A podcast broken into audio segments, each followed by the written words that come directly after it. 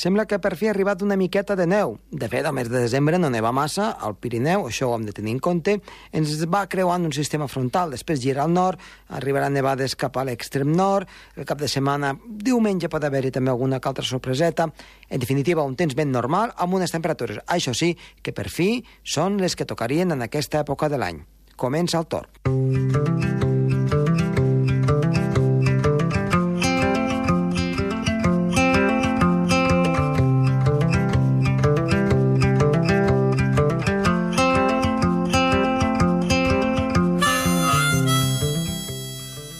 Doncs sí, ha arribat una miqueta la neu i és que a poc a poc l'hivern es va costant, és el que toca. I avui en el programa tindrem diverses coses, entre una d'elles, a part doncs, de saber una mica què és el que ha de passar en les properes hores, també una mica de bioclimatologia i biometeorologia a càrrec de Gerard Tauler, com ens afecta, que és el que hem de tenir en compte eh, sobre el nostre cos, la climatologia i la meteorologia, els diversos factors que ens influeixen en la salut. I també diguem-ne, per petició popular, he rebut algun altre correu i també algun altre missatge de tornar a fer, si més no, repetir el programa d'immortalitat que es va fer la setmana passada. Això sí, en un format una mica més breu, perquè els hi va semblar molt interessant. Tot això i, com sempre, amb les nostres seccions habituals. Som-hi!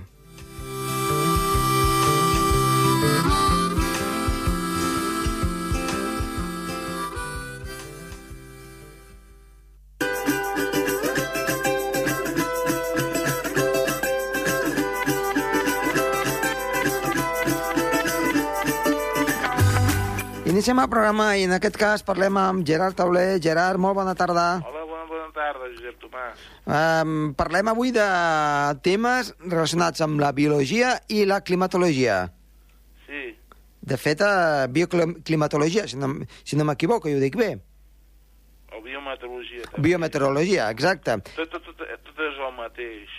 I de, de què va? La biometeorologia vol, vol predir, doncs, com, com, com serà, doncs, el temps futur sí? eh, i, i associat amb, amb, amb, la, amb la salut de les persones. Uh -huh. Mentre la bioclimatologia fa, fa estadístiques de com ha, ha sigut aquest temps. Uh -huh. Per tant, eh, a veure, eh, el típic que a vegades algú em diu ostres, és que fa any em vaig trencar una cama i quan ha de ploure em fa mal el genoll, per exemple.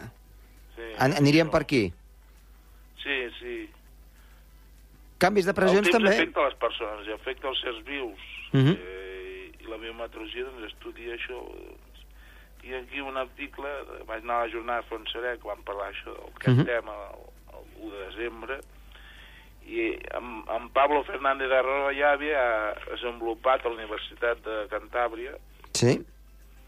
doncs, una aplicació que preveu el d'això, fer un avís a la població relacionat amb la quantitat d'oxigen que hi ha a l'aire. Uh -huh.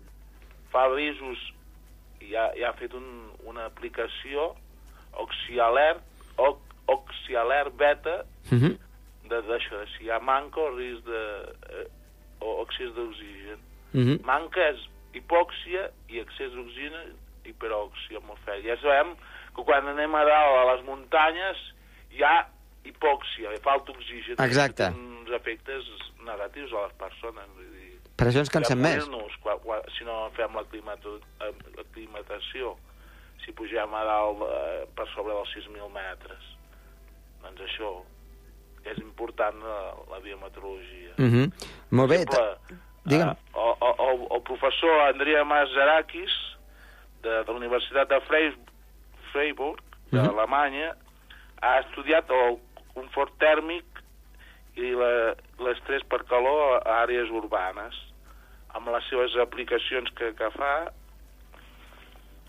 eh, Podríem... doncs, analitza doncs, el, el, el confort amb, la, amb, les, el, amb un índex tèrmic, sí? el PEP, i diu que les condicions cada cop són pitjors.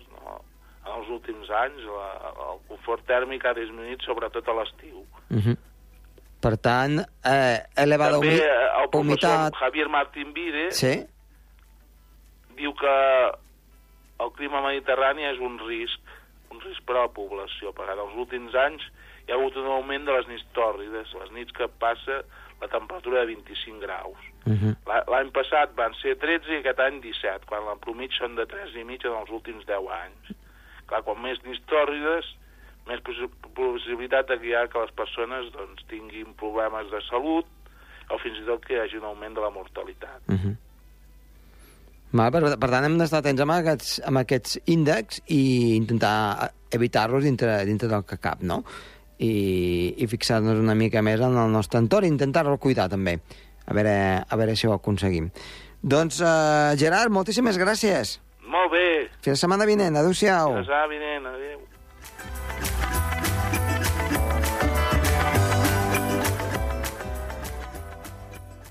El Torb, amb Josep Tomàs.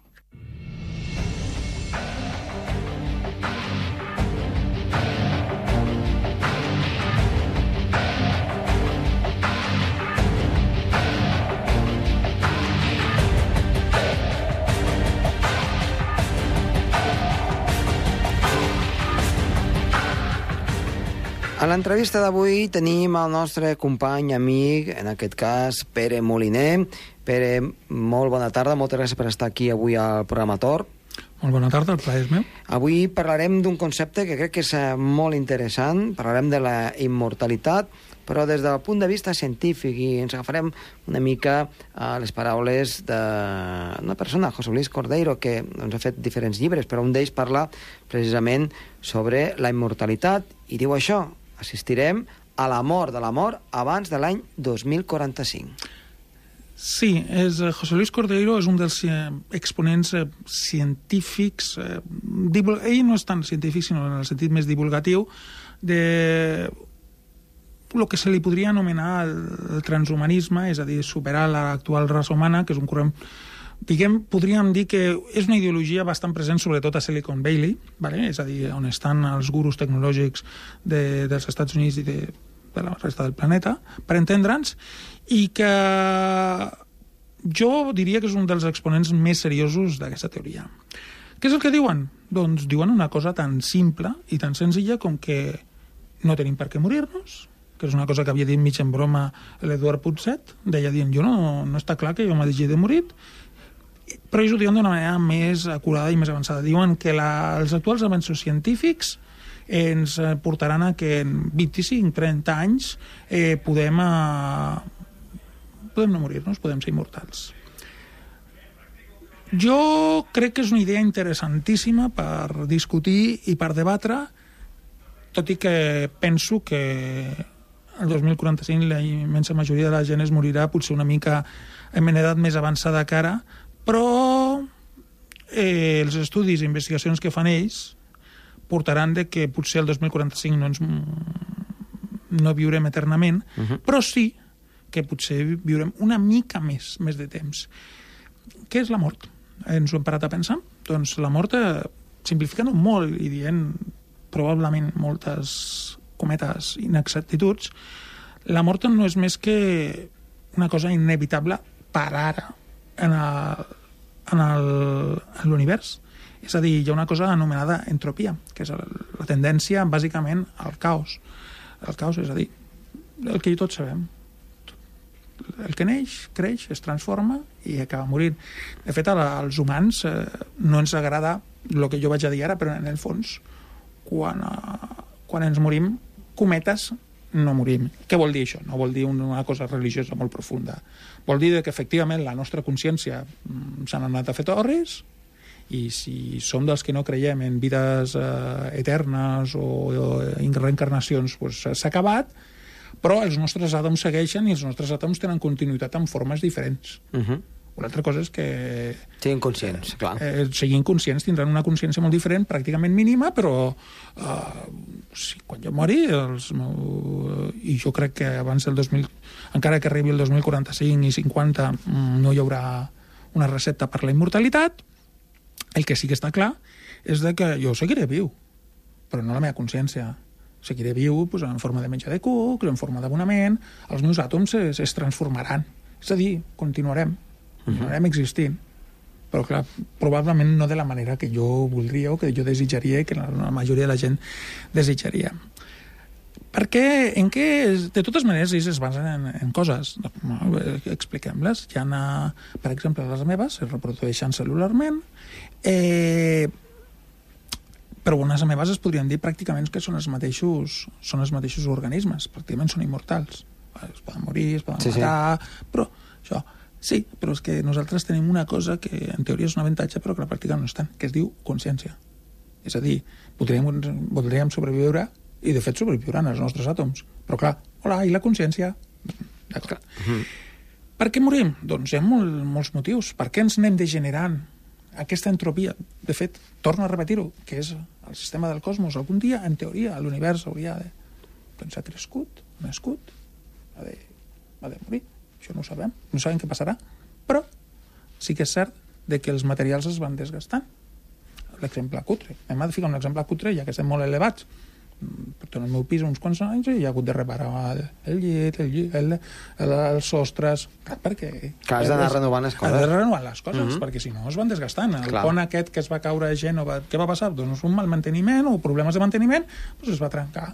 Llavors hem d'anar fent reparacions i manteniments jo no estaria en un cos. Uh, fins i tot, vinga, anem a delirar encara més, que fiquessin, em fiquessin, però ens transplantessin en un cos oh, creat per embrions, o no sé, estic. Uh -huh. que hem criat per embrions i que pu- un nou cos o, més que, jove... O, o, o que poguéssim un, un robot eh, doncs, Eh, doncs, eh, moure'l, no? Per no, no importa, no importa. Suposem que fos, això fos possible, uh -huh. que és, ara estem bastant lluny. Quin seria el petit problema? Vale, tot i així, suposant tot això, que ja és molt suposar, tindríem el petit problema de que què és el que em determina a nosaltres? Doncs ens determina la, el nostre cos. És a dir, a mi a Catarrosa Bagallà, per exemple, que torno a repetir-ho, sembla que estigui obsessionat, bueno, estic obsessionat perquè les qüestions gustatives no és una qüestió cultural. És a dir, eh, podem caminar més o menys i podem, eh, hi ha persones que tenen més sensibilitat al tacte i altres que menys. Si això ho traiem de l'equació, traiem parts importants, més importants de les que ens pensàvem, Uh -huh. de la nostra existència. Què és el que podria ser més factible? Doncs el que podria ser més factible és, efectivament, que lentament, eh, lentament, molt lentament, anem evolucionant cap a vides més llargues amb cossos més llargs. Això, ara, no, no sembla que es pugui discutir i que lentament cada vegada tinguem més pròtesis eh, més pròtesis metàl·liques, és simplement el que ja està passant, no, no, té, ni, no té cap misteri, uh -huh. moltes més, i que algun dia poguéssim eh, ser una barreja de d'home d'home i màquina. Uh -huh. Cada dia home i màquina, intel·ligència artificial, no m'atreveixo a pensar-ho gaire, però per quin aniria la cosa? I algun dia, potser, totes aquestes dades poguessin eh, no necessitar gaire o gens suport físic. Però això en un futur molt... no molt proper. Uh -huh. Molt bé. I que tinguéssim, això sí, un record de quan nosaltres, la nostra cos, havíem tingut cossos i que potser tinguessin reserves en les quals eh, naixerien els humans físicament i hauria un moment en què passarien a, a l'etapa més, més seriosa. Podria ser, podria ser. Però anem cap aquí, eh? Anem cap aquí. Anem cap aquí, però recorda el que jo t'estic dient, recorda el que jo t'estic dient de que uh, una, els mapes mentals, mapes mentals de totes les ideologies, eh, de totes les persones, són simplificacions i per tant el problema que cometem en les nostres vides personals tot, cometem molts, però el problema principal que cometem tots en les nostres vides personals totes les organitzacions, totes eh, incloent els estats és no tenir masses mapes, correcte, mapes mentals correctes del que és la realitat. Totes, absolutament totes. Per exemple, una ideologia que la immensa majoria de la gent considera nefasta, que és el nazisme. Considerava que seria el rei dels mil anys. Doncs la realitat va ser que eren van ser 12 i no universal. El comunisme, que havia de ser etern, va durar, bueno, va durar 74 anys a la Unió Soviètica. Eh, altres, eh, altres, dic per això perquè són els exemples més clars. Però si ens ho parem a pensar, doncs ens adonarem que les, de que en realitat hi ha una cosa que és evidentíssima que no canvia mai, que és el canvi. És a dir, anem transformant i canviant, i per tant, aquesta immortalitat Clar, de fet, de fet, es diu que cada cinc anys canviem tots els àtoms de tot el cos. Sí, sí, és cada Per set. tant, som, som una persona di totalment diferent. Tot, el nostre cos és diferent, però la nostra mentalitat... I si de pares, si de pares a pensar, per exemple, jo posaré un exemple cutre, ja que estic mm, elevant el nivell i intentant, però un exemple molt cutre. Jo fa poc, ara, a la pàgina social, el Facebook, va enviar uns records, de, és a dir, uns missatges que havia fet fa uh -huh. 7 o 8 anys, jo deia dient, Jo pensava això. jo, era pensava això, jo era així. I, Clar. Déu meu. No sé- no no, no és un gran canvi, però Sí, sí. Déu-n'hi-do. I, I estic parlant, i estic parlant, i tinc proves, perquè està escrit. Uh -huh. Tinc Potser, proves, potser, és la escrit. primera, primer, potser és el primer cop de realitat mm, eh, internauta o cibernètica que veiem. Eh, hi ha més, però sí. Però, per exemple, això Perquè són que- cops de realitat. Que la, que la gent, diguem-ne, normal i corrent, que no està en una posició elevada, doncs se'n pot donar compte. Ostres, jo deia això fa cinc anys, Sí, no? però això, si ens ho parem a pensar, sempre ha passat. I sempre passarà, però ho passarà. Sí, però no te'n recordes. O, Sí, o, o, sí, perquè tenim- O, per exemple, la teva memòria ho difumina. Eh, saps què passa? Que la memòria... Nosaltres ens pensem que tenim una memòria com una, com una que funciona com un vídeo i en realitat la memòria funciona pff, com el joc del telèfon. Uh -huh. recordem, recordem el típic joc del telèfon. Et diuen a l'orella una paraula rara i llavors eh, tu l'has de repetir al del costat i llavors la, la, meva, la teva memòria... Eh, I això seria, per cert, per cert, eh, el problema que ens trobéssim en l'hipotètic cas de que poguéssim reproduir els nostres records eh, Amb un ordinador? amb un ordinador, Sí, el sí. joc del telèfon, dient una petita variació que seria inevitable Mhm. i donaria canvis que diguessis, sí, la reproducció no seria massa, no tan fidel com hauria estat l'original. Mhm. Però de totes maneres, suposem que arribem a la immortalitat, suposem. Va, vinga. I física. Jo recordo una novel·la de ciència-ficció que em va encantar. bueno, una, era una pel·lícula que es deia Zardoz, protagonitzada per Sean Connery, que era una bueno, una illa, bueno, un món ple de salvatges, ha hagut un desastre, no se sap què i no s'explica i no importa, i un lloc on viuen immortals. Llavors els immortals contracten un mortal perquè passa, estan passant coses rares i al final descobreixes quin era el, complot que portava un immortal que portava un doble triple joc. Quin era? Volia, estava provocant i aconsegueix la, morir. Volia morir. Per què? Doncs perquè alguna de les... Bona part de... Encara que... Suposem que... Mm, què és el que ens dona les nostres alegries? Em sembla... eh, Què és el que ens dona les alegries, per exemple, que tenim? Les tristeses. Què és el que ens dona... Què és el que ens dona la sensació de pau i tal? Amb què la podem comparar? Doncs perquè a vegades hem tingut penalitats. Què és el que ens dona sensació de, de desestimats i de reconfortats? Comparar-la en els moments en què no som reconfortats. Quines són les persones que veiem més evolucionades moralment i èticament i tal? Doncs les que veiem que han sofert i tot i així han, han, han patit odis i privacions i, i tot i així han après i són millors. Per tant, encara que arribéssim a la immortalitat, pagaríem un preu horrible, que és deixar de ser humans. Immortalitat física, mental, molt bé, tot. I a més joves i a més guapos. Vinga, comprat. Mm, Com, es, com estalviaríem, com en aquesta novel·la de ciència-ficció, el patiment intern de l'avorriment i tal, i més important que això, com, és, com, com aconseguiríem que la vida valgués la pena si, si precisament el que fa que la nostra vida valgui la pena i que fem tants esforços i tals és perquè tenim un cronòmetre que ens indica que la cosa Que el s'acaba. temps s'acaba. Que el temps s'acaba. Per tant, què és el que ens fa vius? Què és el que ens fa més vius? A saber que tens un límit, no? Que tens un final. Mm, saber que ens morirem. Ens porta moltes penalitats i angoixes? Evidentment. Però, curiosament, el que ens dona més força per seguir vivint és el que ens morirem. Pere, eh, escolta, fantàstic, eh? Avui el, la reflexió aquesta sobre la immortalitat i anirem pensant i, com sempre ja ho saps, eh? Aquí, quan vulguis, per una nova entrevista. Pere Moliner, moltíssimes gràcies. Fins la propera. Fins la propera.